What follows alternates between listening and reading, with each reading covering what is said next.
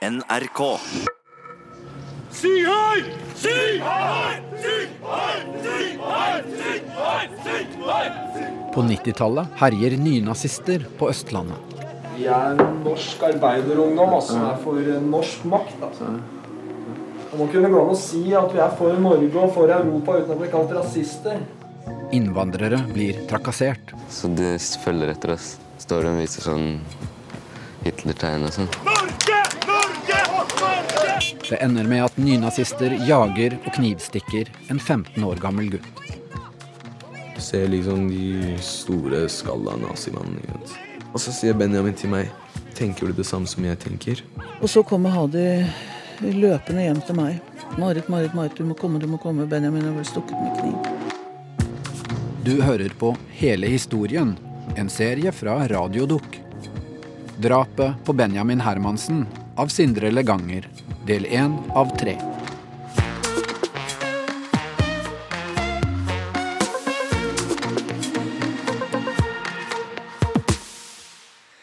Benjamin var en eh, veldig energisk og til dels litt krevende gutt. Han, eh, eh, han gikk jo i barnehage og var eh, en, en veldig levende og utadvendt eh, unge. Masse store krøller, blid. Og som barn av en eh, ei norsk jente og en afrikansk mann, så var han jo nydelig sjokoladebrun. Marit Hermansen er moren til Benjamin. I 1983 gifta hun seg med Bobby, som kom til Norge fra Vest-Afrika.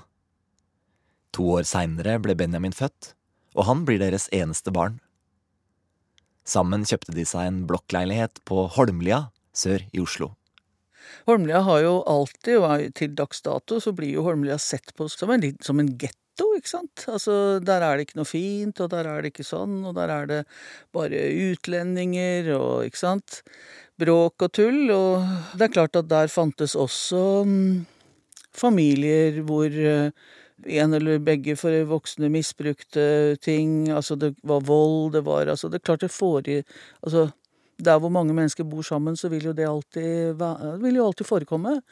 Men det har aldri vært noen eh, Altså jeg følte at det var et veldig trygt sted å, å bo, og et trygt sted for Benjamin å vokse opp.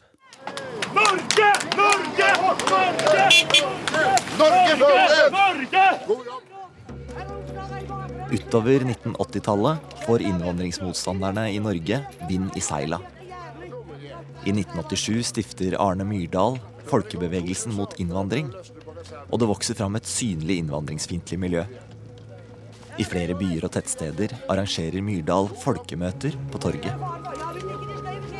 Men det er lov å være rasist. Du har lov til å si at jeg hater alt svart og gult og blått. Jeg liker bare de som er hvitt. Det er fullt lovlig.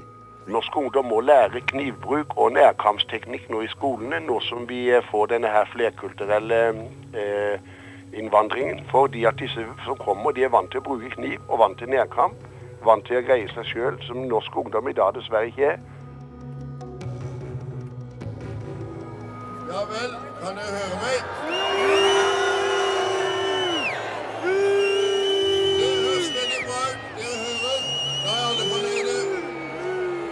På folkemøtene møter det samtidig opp motdemonstranter fra antirasistiske grupper. Flere ganger blir det slåsskamper.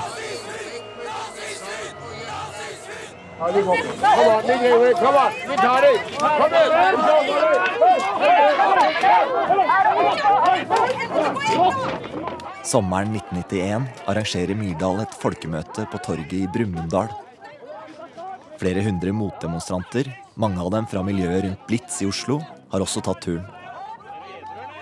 Det utvikler seg til å bli et gateslag mellom Myrdals disipler og blitzerne.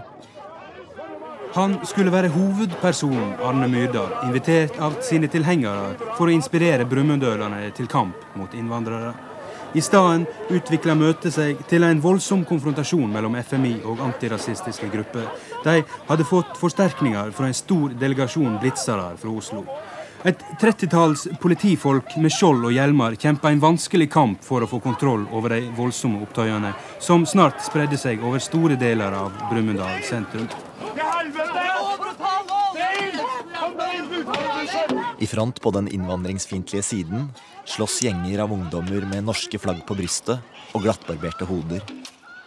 En av gruppene kaller seg for Bootboys.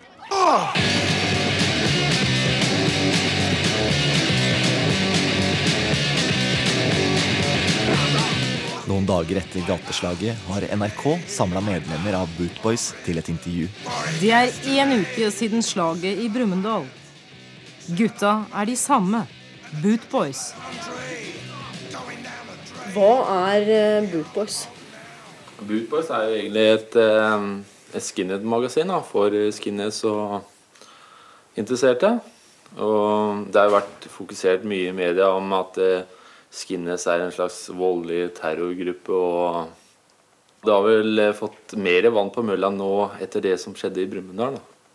På opptaket sitter tre unge menn i en sofa og drikker øl. En av dem har skjult ansiktet under en finlandshette. Har eh, Bootboys en ideologi? Vi bygger på en nasjonal ideologi. da. At vi er eh, fjellandskjære og glad i landet vårt og diverse ting. da. Vi er en norsk arbeiderungdom altså, som er for norsk makt. altså.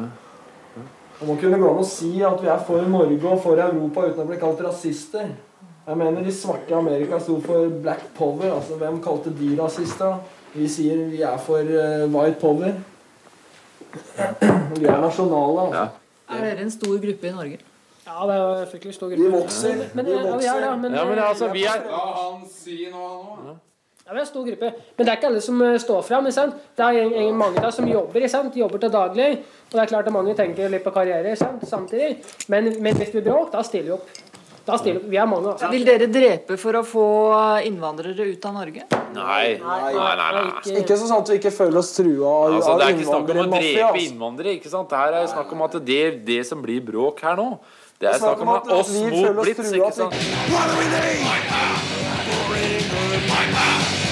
at oss vi mot føler oss Blitz.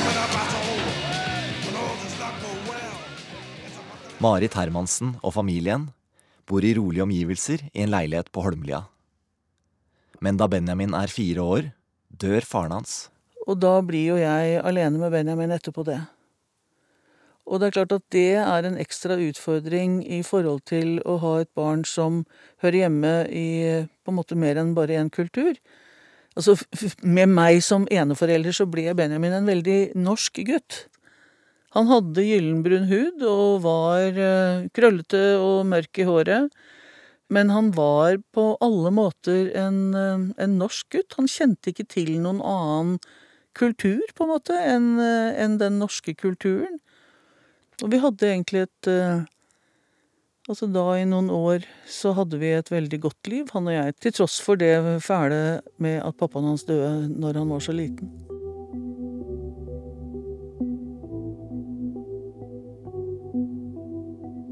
Um, altså akkurat i den tida her. Mm. Fortell opp ditt inntrykk av nynazisme og rasisme i Oslo. Eh, vi opplevde jo at han eh, med sitt ikke-norske utseende, så ble han jo tatt for å være utlending. Altså, vi kunne jo være sammen, han og jeg. Og vi f.eks. gå på bussen, og det var jo så, jeg vet ikke om det er sånn lenger, men det var i hvert fall sånn da, at i helgene så kunne du ha med deg barn gratis på din egen voksenbillett. Og hvis Benjamin gikk først inn på bussen, og jeg kom liksom bare et lite hakk bak, så ble jo han alltid stoppa og spurt ja du da, har du ikke billett? Og hvor han da sier ja men mamma kommer rett bak, nei jeg ser ingen, ikke sant. Da måtte jo jeg liksom alltid stikke hodet frem og si jo da, det er jeg som er mammaen, jeg har billett, han er sammen med meg. Om det er rasisme, vet jeg ikke, men det er i hvert fall en veldig sånn ubetenksomhet, og det en, ligger en mistenksomhet i det, i forhold til om du eh, hadde rett til å være der hvor du var, ikke sant. Så kan jeg huske han sa en gang at du vet ikke hvordan det er der, du, mamma. Du vet ikke hvordan det er. Og det er klart at det visste jeg ikke. Altså, det kunne jeg ikke vite. Med mitt utseende, som er he et helt nordisk hvit dame, så kunne jo jeg aldri egentlig forstå hva, hvordan det var. Og det gjør jo kjempevondt når du som forelder ikke eh, på en måte klarer å, å helt sånn ta inn over deg hva ungen din eh, er midt oppi. Og det er klart at jeg var Jeg var redd, jeg da, når, når han ble håper å si, selvstendig tenåring og skulle ut på ting. Og så ble jo jeg kjemperedd for hva han kunne hva, som, hva han kunne bli utsatt for.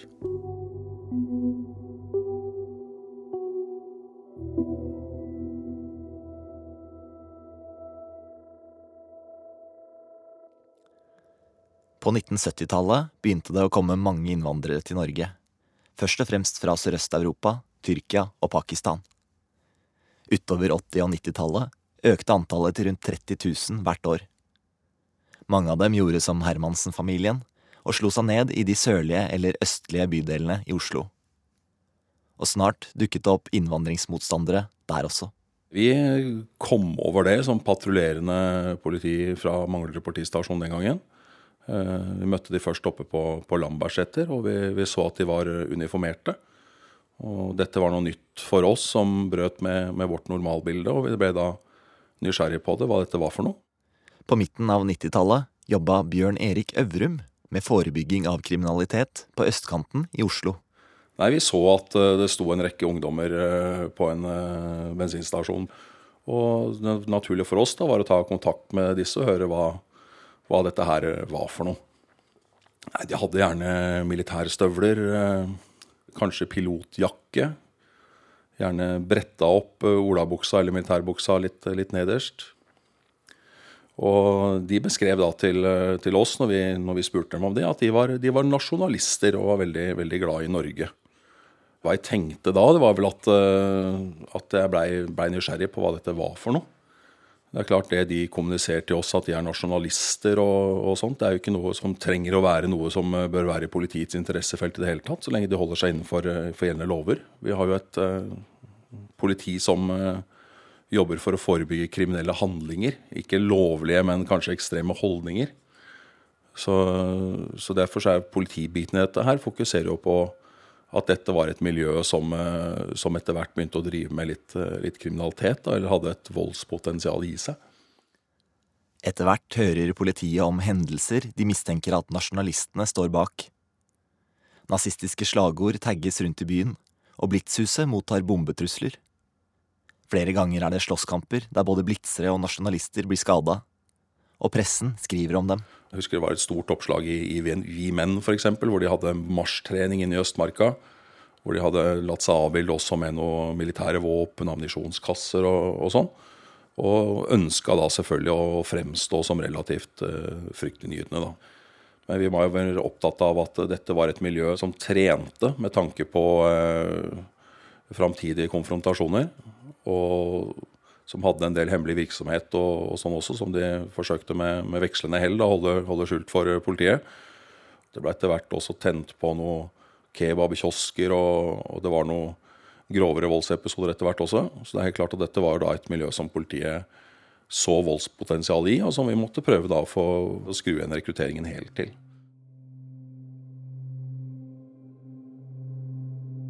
Fortell om hvem de, de folka her er? Jeg tror det, der, eh, Jeg har reflektert mye over det ettertid, og det er nok eh, ganske tilfeldig hvilket negativt miljø en ungdom som er i ferd med å, å skli ut, havner i. Men det er ungdom som da gjerne ikke finner seg helt til rette i, i normalsamfunnet, for å, for å si det sånn. Kanskje sliter litt på skolen, kanskje er de ikke så vellykka i sine fritidsaktiviteter. Og så treffer de hjem noen som, eh, som gir dem kanskje en form for si, ytre fiende. Noen, eh, noen de kan, eh, kan, hate. Og hvis livet deres ikke er så bra, og, og det, det, er litt næring til dette hatet, så, så, går det an å lede mennesker i en sånn, sånn retning. Hvis du kom inn i dette miljøet her og følte at du ble tatt vare på, det var, liksom, det var tilhørigheten, det var det var det å være en del av noe større enn deg sjøl. Samhold, støtte. Helt sånne egentlig banale menneskelige ting som, som de fleste mennesker bør få i, i familien sin og blant sine nære, gode venner. Mange av disse opplevde mye positivt med å være en del av dette miljøet. Det ga dem noe.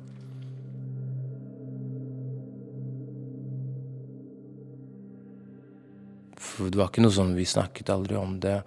Sånn jeg ute nynazist. Jeg tror ikke jeg visste hva det var engang. Arif Salum er rapper og vokste opp i bydelen Bøler på østkanten i Oslo.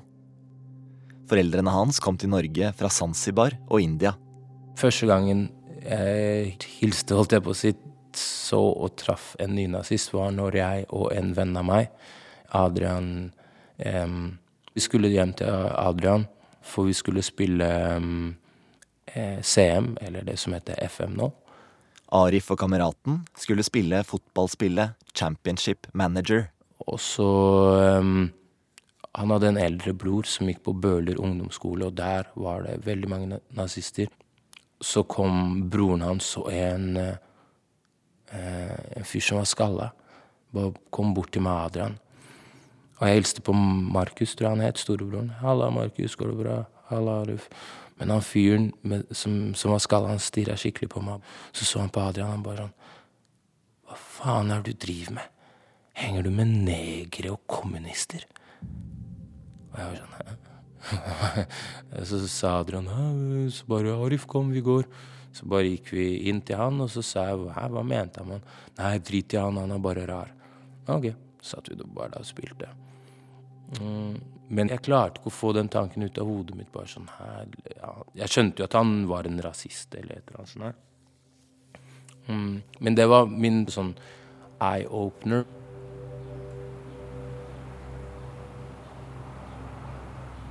Etter hvert som politiet setter inn ressurser mot nynazistene på Lambertseter, flytter miljøet seg til områdene rundt. Bøler, med blokkbebyggelse, T-banestasjon og skogsområder rundt Nøklevann i nærheten, blir etter hvert en slags nasjonalistisk base. Bøhler var no go. Du, du dro ikke til Bøhler av de folka der. Sånn, alle mine venner fra Skullerud de turte ikke å gå til Bøhler. Hvis jeg sa hei, vi skal henge på Bøhler, det er en jente, hun har fest her, eller whatever. Hun er hjemme alene, kom, vi skal se på Skrik eller It eller en eller annen skummel film. Kom. Og de sa nei. Ingen turte å bli med. Ingen. Ingen turte. Og det var fordi nazisten Det var liksom Det var red zone. Ingen utlendinger drar dit. Ikke aleine, i hvert fall. Samtidig finnes det egne gjenger med innvandrerungdommer i bydelene rundt Bøler. Snart blir det sammenstøt mellom dem og nynazistene. Det var alltid en sånn supergangster fra hvert område, hvis du skjønner. Alle visste om alltid en eller annen. Lambertseter hadde liksom en fyr som alle kalte Ice, en somalier som på en måte ikke tok noe skitt fra noen av de nazistene. Det var alltid noen sånne lokale helter som pleide å komme ned til Bøhler når de på en måte bestemte seg nok er nok, så kom de ned til Bøhler og sloss mot nazistene. Og en av de gangene så så jeg det.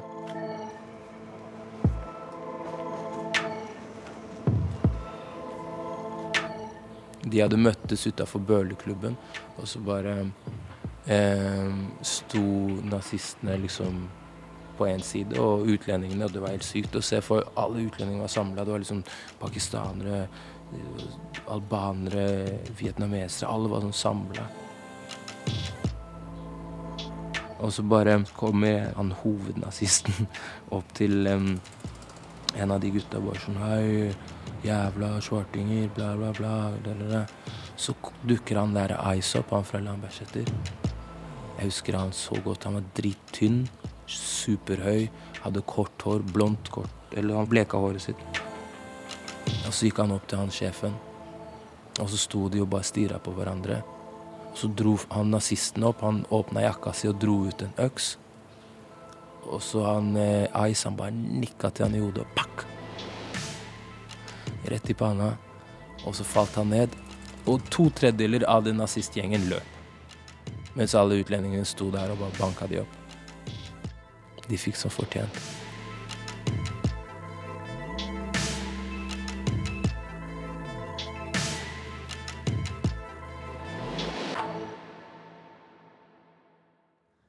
Arbeidsdagene til Bjørn Erik Øvrum ved Manglerud politistasjon går med til å patruljere og snakke med ungdommer, besøke skoler eller ha bekymringssamtaler med foreldre. Så skjer det noe mer. Å ferdes i deler av Oslo sentrum har siden i sommer vært utrygt for barn og unge. En rekke barn, noen så unge som ti år, har blitt ranet og truet av jevnaldrende. Flere barn opplever å bli rana av ungdomsgjenger med innvandrerbakgrunn. Guttene er av somalisk, pakistansk, marokkansk og tyrkisk opprinnelse. Og mange ungdommer i Oslo er redde. Ifølge Bjørn Erik Øvrum søker noen av de utsatte ungene hjelp hos nynazistene. I, I jobbinga opp mot miljøet på Bøler så vi på det som en, som en klar rekrutteringsfaktor. Fordi vi så ungdom som var utsatt for barneran, som gjerne da var utført av ungdom med innvandrerbakgrunn. De søkte da tilflukt i flere av disse i de høyreekstreme miljøene som et, som, en, som et forsøk på å få beskyttelse. I januar 1996 blir en 14 år gammel gutt banka opp om bord på T-banen like ved Bøler. Ifølge VG er gjerningspersonene en gruppe på mellom åtte og ti afrikanske tenåringer. Bakgrunnen for mishandlinga er at gutten ikke ville gi fra seg en sigarett. VG skriver om hendelsen. Det var nok. Uten at noe mer ble sagt, ble 14-åringen tildelt flere slag mot ansiktet og overkroppen. Mens han fortsatt satt i setet, fikk han et spark i ansiktet så hodet smalt hardt i glassveggen bak ham. Vitner avviser at 14-åringen sa noe som kunne oppfattes som provoserende. Først etter å ha blitt slått flere ganger, skrek han til en av overfallsmennene. Hadde du vært alene, skulle jeg drept deg. 14-åringens navn er Jo Erling Jahr.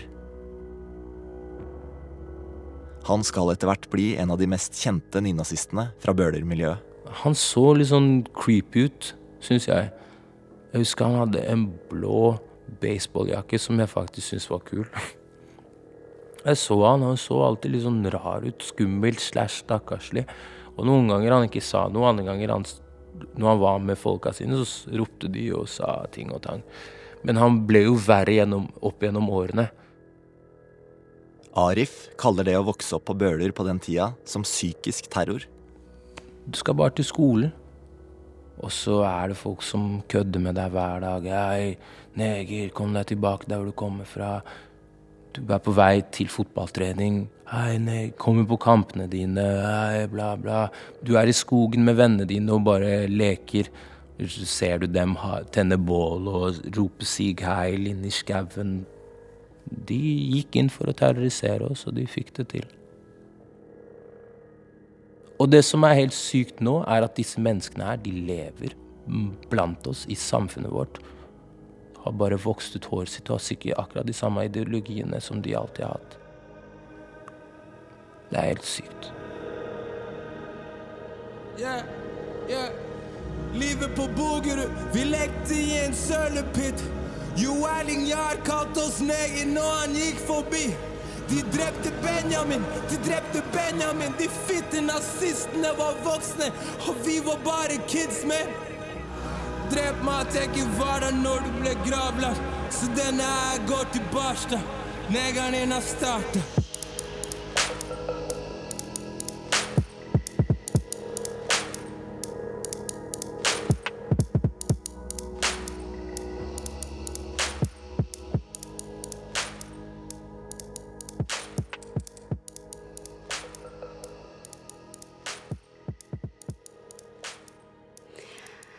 Husker Benjamin som en eh, av de tøffe gutta.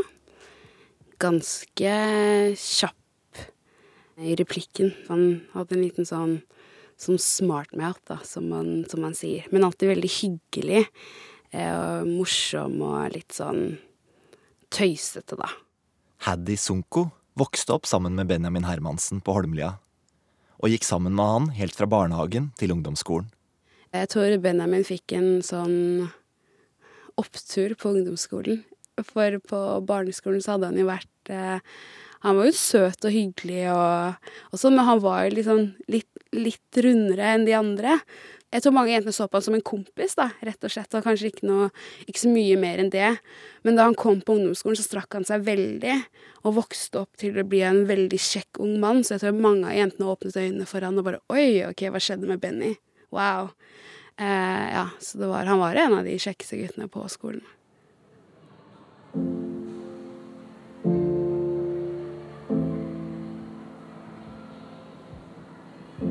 Rundt årtusenskiftet er det jakker av merket Napapiri og store, svarte Buffalo-sko som er moten på Holmlia ungdomsskole. Og så husker jeg veldig godt at mange av guttene hadde midtskill med masse voks i håret. Og på vinteren så var det, var det jo kaldt ute, så det voksen stivna jo, så det la seg sånn hvitt fettlag over, um, over uh, midtskillet og håret. Det var veldig Ja. Veldig spesielt. Eh, men det var jo tøft på den tiden, så de var jo helt innenfor. Det var moteriktig å gå sånn som det gikk.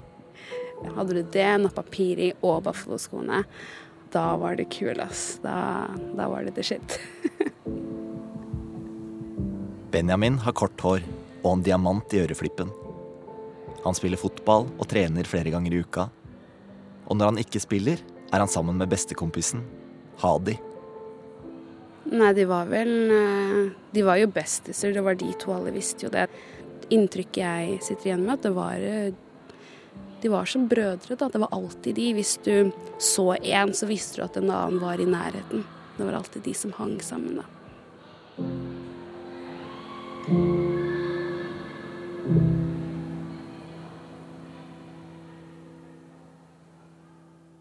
Sommeren i 2000, noen måneder etter at Benjamin har fylt 15 år, skal fotballaget hans spille cup i Danmark. I dagene før de skal dra, forteller Dagsrevyen om norske tenåringer med innvandrerbakgrunn som har blitt utsatt for vold under en dansk turnering.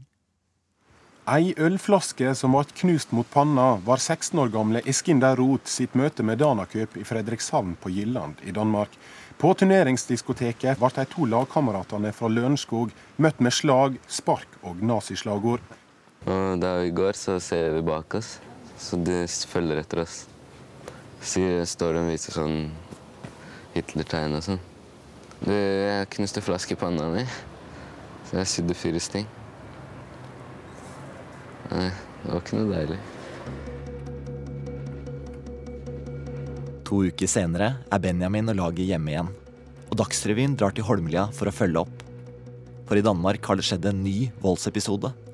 Benjamin Hermansen, juniorspiller for Holmlia sportsklubb, var slått i ansiktet av en lokal gjeng inne på turneringsdiskoteket i Fredrikshavn.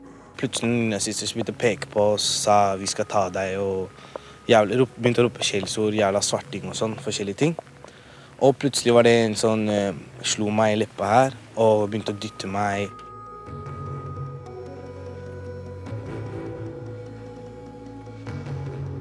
Ja, altså Det nynazistiske miljøet var um, Det var ikke til stede på Holmlia, som jeg vet om i det hele tatt. Men vi visste om at de fantes, og vi visste om at de var på At det var sånn Bøler, Skullerud og Nordstrand, det var områder hvor det var nynazister. Jeg husker vel eh, på slutten av barneskolen, ungdomsskolen, når man dro på fester, så visste man ikke du henger ikke på, på Nordstrand eller på, på Bøler med mindre du må. I hvert fall ikke når det, når det blir litt sent, for det er nynazister der. Eh, men det var heller ikke en reell frykt for oss. Fordi vi var for det meste egentlig bare på Holmlia.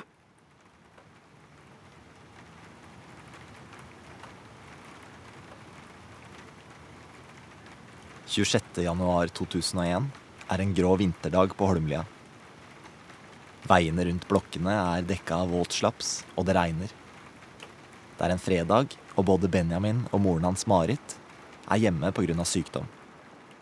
26. januar 2001. Vi var forkjøla begge to. Um, så vi hadde ikke vært Han hadde ikke vært på skolen, og jeg hadde ikke vært på min jobb. Og det er en helt vanlig sånn dag hvor en er hjemme og ikke En går i joggebuksa hele dagen, ikke sant. Og Benjamin i sånn derre pysjebuksa av noe slag, ikke sant. Og vi har egentlig ikke helt ordentlig stått opp. Og så blir det noe ettermiddag og, og, tidlig kveld, og så begynner liksom mobilen til Benjamin å pipe. Jeg eh, har akkurat sluttet på skolen og drar da til eh, en kompis av meg. Og så finner vi ut at ja, 'Eksorsisten' den går jo på, på kino nå. Skulle ikke dratt og sett den. Jo, det høres ut som en, som en bra ting å gjøre på en fredagskveld. Så vi ringer da til gjengen, da. Og massevis altså kompiser og venner da som melder og 'Å, skal du, skal du ikke sant? Og vil du være med, og vil du være med, og skal du sånn, og skal du sånn'. Og så var jeg da kjempestreng, og sikkert, som han opplevde, så hurpete at jeg sa at det kan du ikke få være med på, fordi at eh, du har ikke vært på skolen i dag. Så når du ikke har vært på skolen, så kan du ikke gå på kino, og du kan ikke Altså nei, da må du være hjemme. Og så han bøyer seg nå, da, for det, og sier greit, altså han blir hjemme, og jeg lar meg da presse til å gå i butikken og kjøpe noen godterier av noe slag, og frister med en eller annen film på TV, ikke sant, som den kan vi jo se på. Dette blir veldig hyggelig. Want to talk to your son? Yes, of course I do. Daddy? Dad? Sammen ser Benjamin og moren på filmen 'Kidnappet' med Mel Gibson. I don't get my son back, and I mean real soon. You better kill yourself. Because when I catch up with you, I'm gonna take my goddamn time. Hvorvidt han syntes det var det, det han hadde hatt mest lyst til, det vet jeg ikke, men han var nå hjemme, og de andre som da hadde spurt om han skulle være med på kino, de dro av gårde. Uten han. Hello! You want him? Yes! You want him? Yes!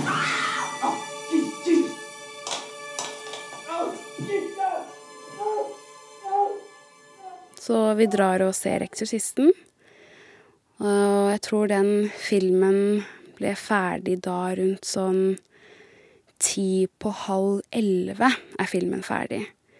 Vi står i hvert fall godt ut av Eldorado kino og går gjennom strøket og står utenfor eh, McDonald's og diskuterer om, om vi skal gå inn og kjøpe mat, eller om vi skal løpe og rekke toget som går fem over halv elleve, for da rekker vi å være hjemme til klokken elleve.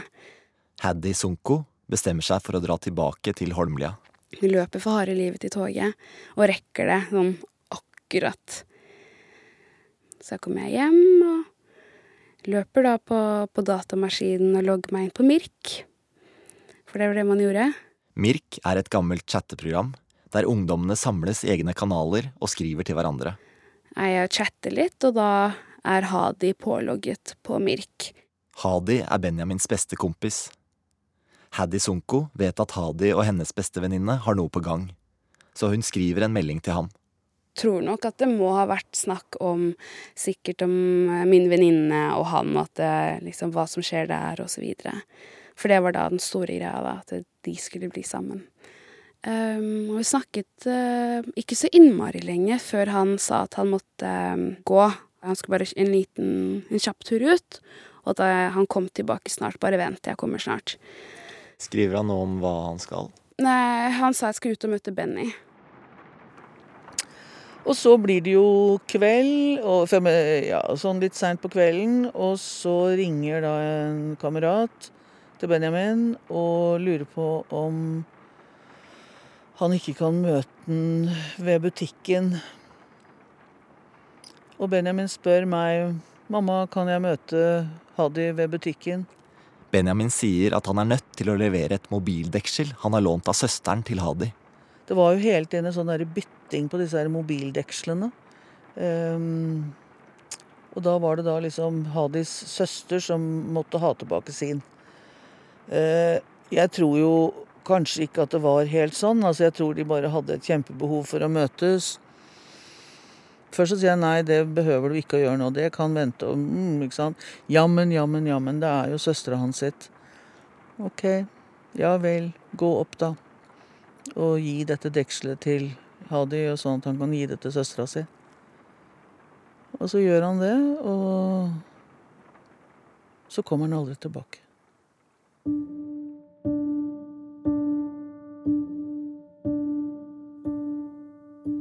Minuttene går. Haddy Sunko sitter foran datamaskinen sin og venter på at Hadi skal komme tilbake. Jeg satt og ventet og ventet og ventet en stund, men så ble jeg ganske sliten, for jeg hadde vært ute. over en lang dag, det var fredagskveld, og det var sent. Så jeg skrev til han at ja, vi tar det her i morgen istedenfor. Jeg er kjempesliten og jeg må sove, jeg må legge meg nå, vi snakkes. Klokka nærmer seg midnatt. Haddy Sunko gjør seg klar til å legge seg. Jeg går og pusser tenner og bytter til pysjamas og Og så eh, ringer telefonen min. Eh, hustelefonen ringer, og jeg eh, hører at eh, mamma tar telefonen og, og snakker da med, med venninnen min Marina. Og så roper hun på meg, for det er, det er til meg. Eh, og så tar jeg telefonen, og så hører jeg at Marina eh, Hun skriker ikke. Hun er Hun snakker bare veldig fort og sier eh, 'Benjamin er død'. Og så sier jeg Husker jeg at jeg ikke helt forstår Jeg forstår ikke helt hva det er hun sier og hva hun mener. Og så sier jeg nei, det, det stemmer jo ikke. Jeg snakka akkurat med Hadi. Hadi er å møte Benny nå. Um, hva er det du snakker om? Hun bare nei, nei. Eh, det skjedde nå. Han har blitt drept nå, sier hun. Uh, så sier jeg nei, det, det stemmer jo ikke. Og da sier hun ok, men gå ut på verandaen din og se ut av vinduet ditt.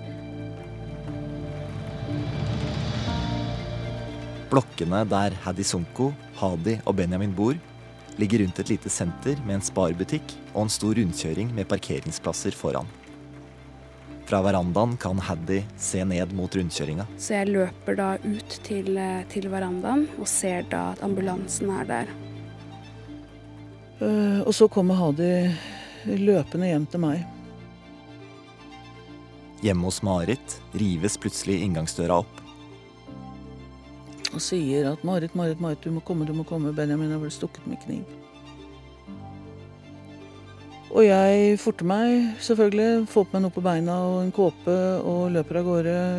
Låser ikke døra, ikke, altså blåser ikke ut stearinlyset, ikke sant. Altså bare løper ut og løper opp der. Og, og da finner jeg jo Benjamin eh, på bakken. Eh, Han hadde falt sånn med ansiktet ned mot eh, bakken. Eh, og Hadi må nok ha snudd den rundt, så han lå på ryggen da når jeg kom opp der. Eh, og da var han død.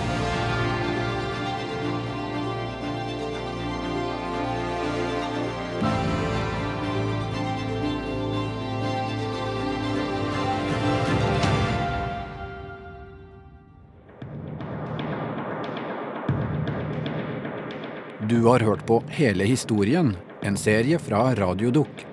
Dette var del én av tre om drapet på Benjamin Hermansen. Følg fortellingen videre. Og idet jeg skal løpe ned til plassen, så får jeg først øye på, på Hadi. Men så så jeg meg bak, og så så jeg at uh, to stykker har begynt å løpe, da. Og så sier jeg til Benjamin løp. En gutt i 15-årsalderen er i kveld stukket i hjel på Holmlia i Oslo. Denne dokumentaren er laget av Sindre Leganger. Lydtekniker Kjetil Hansen, researcher Nick Best, konsulenter Kari Hesthamar og undertegnede Kjetil Saugestad. Vil du kontakte oss, så svarer vi på alle e-poster sendt til radiodukk krøllalfa nrk.no.